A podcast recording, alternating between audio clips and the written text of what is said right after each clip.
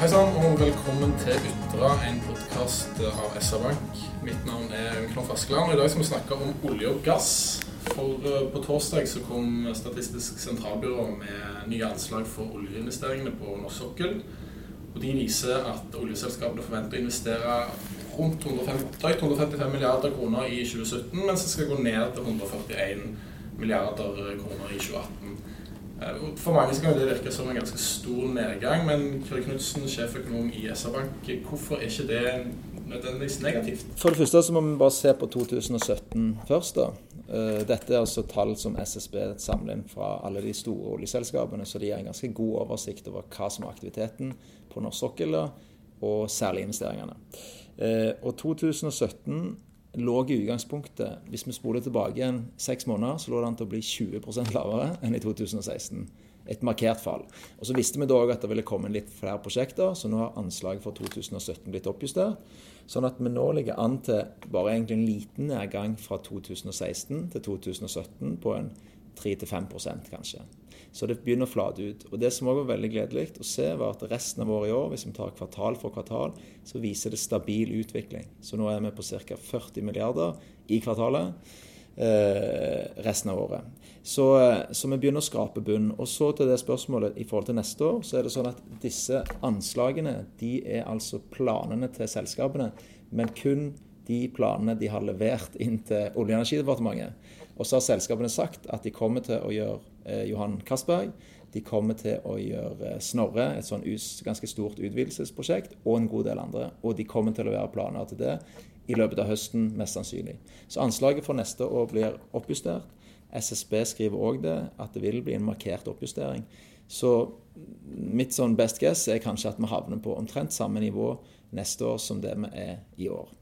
Og hvor, eh, hvor er vi hen i landet da? Altså, hvor, hvor, hvor, godt går det da? eh, på norsk? Ja, jeg tror for norsk sokkel så er det viktigste, eller for oljeselskapene, ikke minst serviceselskapene som er ansetter mange og som er viktige for vår region, både i Rogaland, og Hordaland og Agder-fylkene, så er det viktigst å finne et slags fotfeste nå. Du kjenner at båndene er nådd. eh, Du ser at aktiviteten flater ut. Og så tror jeg òg ganske mange har nok nedbemannet f.eks. en god del. De har tatt ned kapasitet. De har liksom eh, eh, kutta kostnader, effektivisert driften og alt sånt som det. Så når ting normaliseres litt igjen, og det ser vi i barometeret vårt òg, så betyr det òg faktisk at de kommer til å ansette noen flere. Og for oss som følger stillingsannonser innenfor jobb innenfor olje og gass, så ser vi at det begynner å bli litt, eh, litt liv i bransjen igjen. Og jeg hører det òg fra bemanningsbyråer, konsulentbyråer, at liksom det begynner å lysne litt igjen. Og det er veldig gledelig etter nesten tre år som har vært veldig krevende for den delen av eh, næringslivet vårt. Ja, det har jo det.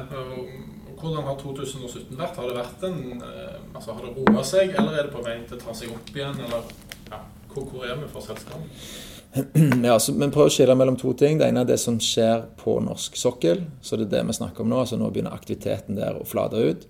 Eh, Så Det betyr at de selskapene som har mye aktivitet eller omsetning relatert til norsk sokkel, den delen av aktiviteten begynner å flate ut. Eh, Samtidig så selskapene omstiller seg jo. Det er jo det som har vært fantastisk òg i denne krevende tiden. At selskapene er veldig flinke, oljeservice og for så vidt oljeselskapene, til å gjøre nye ting.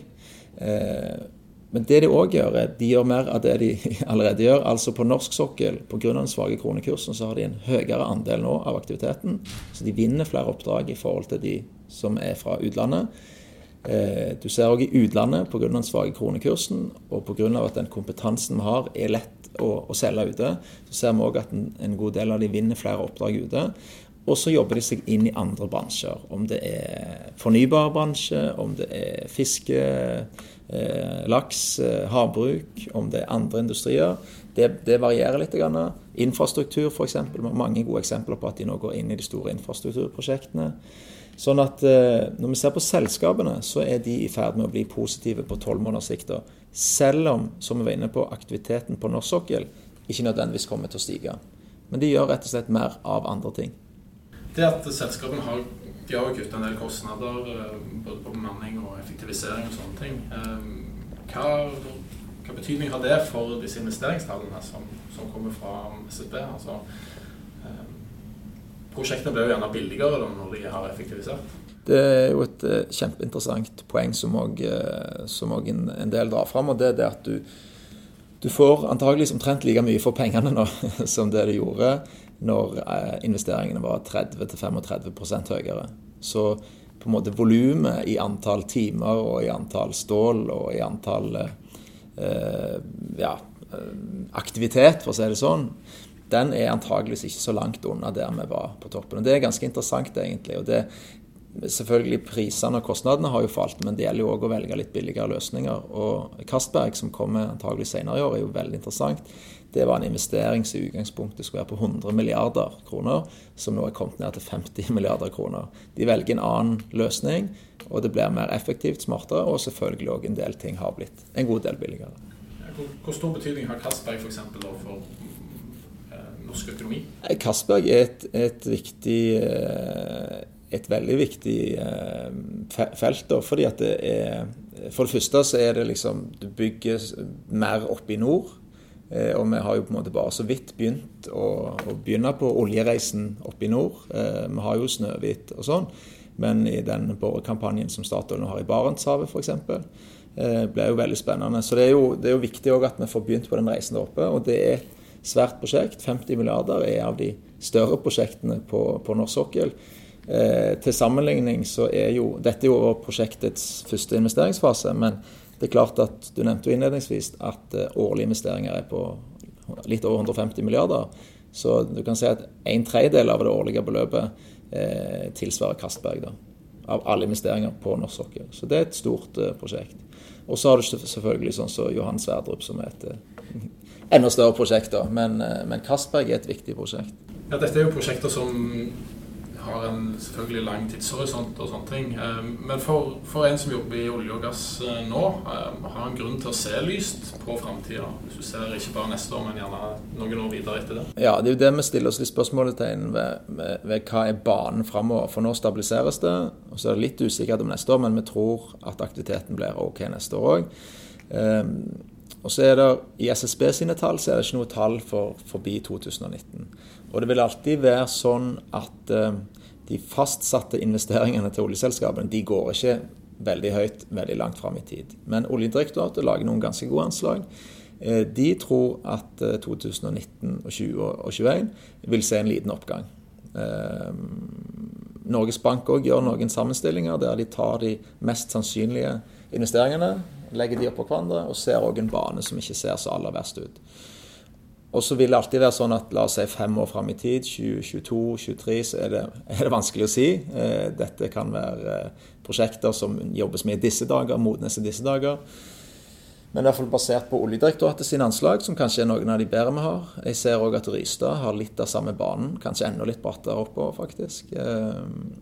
Eh, så, eh, så, jeg tror de, de, de, par neste årene kan bli OK, altså. Men det er selvfølgelig en litt annen tid eh, i forhold til de veldig eh, solskinnsdagene vi hadde fra 2003 til 2014, der, eh, der aktiviteten da økte med 350 eh, Det vil vi nok ikke oppleve igjen.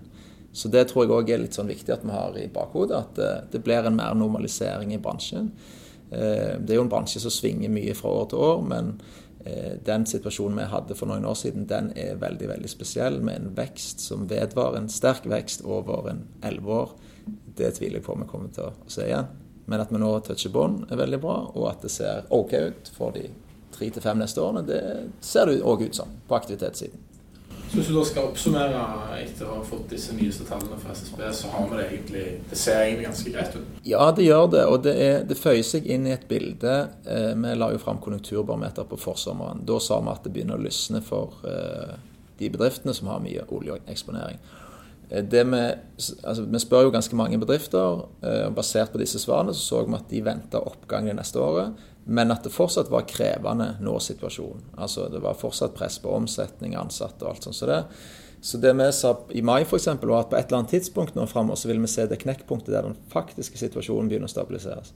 Og det er jo det vi ser allerede nå. og Det var litt kjekt å få en sånn en, eh, slags bekreftelse på det nå. at det for norsk sokkel òg de par neste kvartalene ser ut til å flate ut. Eh, så og så er det alt er relativt. Etter nedgang i tre år så er det veldig kjekt at det flater ut. Eh, og det skaper litt sånn eh, ro, og folk begynner å puste litt med magen igjen. Eh, vi skal heller ikke glemme at vi kommer nå ut med en sektor som er topp trimma. Etter en enorm hestekur så er det en topptrimma bransje som er mer konkurransedyktig enn på veldig, veldig mange år. Det betyr òg at det er lettere for deg å gå inn i andre bransjer.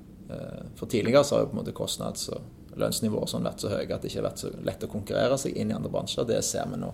Så det blir òg veldig spennende å se den sammensetningen av, oljeservice, eh, av omsetningen i oljeserviceselskapene. Den vil antageligvis gå mer i retning av andre ting for en god del av aktørene. Og Da blir de mer diversifiserte, de blir mer robuste. Det er òg veldig positivt for vår region. Da får vi flere bein å stå på. Er spennende tider. Eh, og det er spennende at eh, vi kommer jo snart med et nytt konjunkturbarometer, så blir det interessant å se eh, tallene der. Mm. Det er kjekt at dere hører på Ytra på podkasten vår. Så håper jeg dere gjør det videre òg. Og så får dere ha en aldeles fin dag. Takk for meg, og takk for til Kyrre, som har vært med her i dag. Takk for i dag.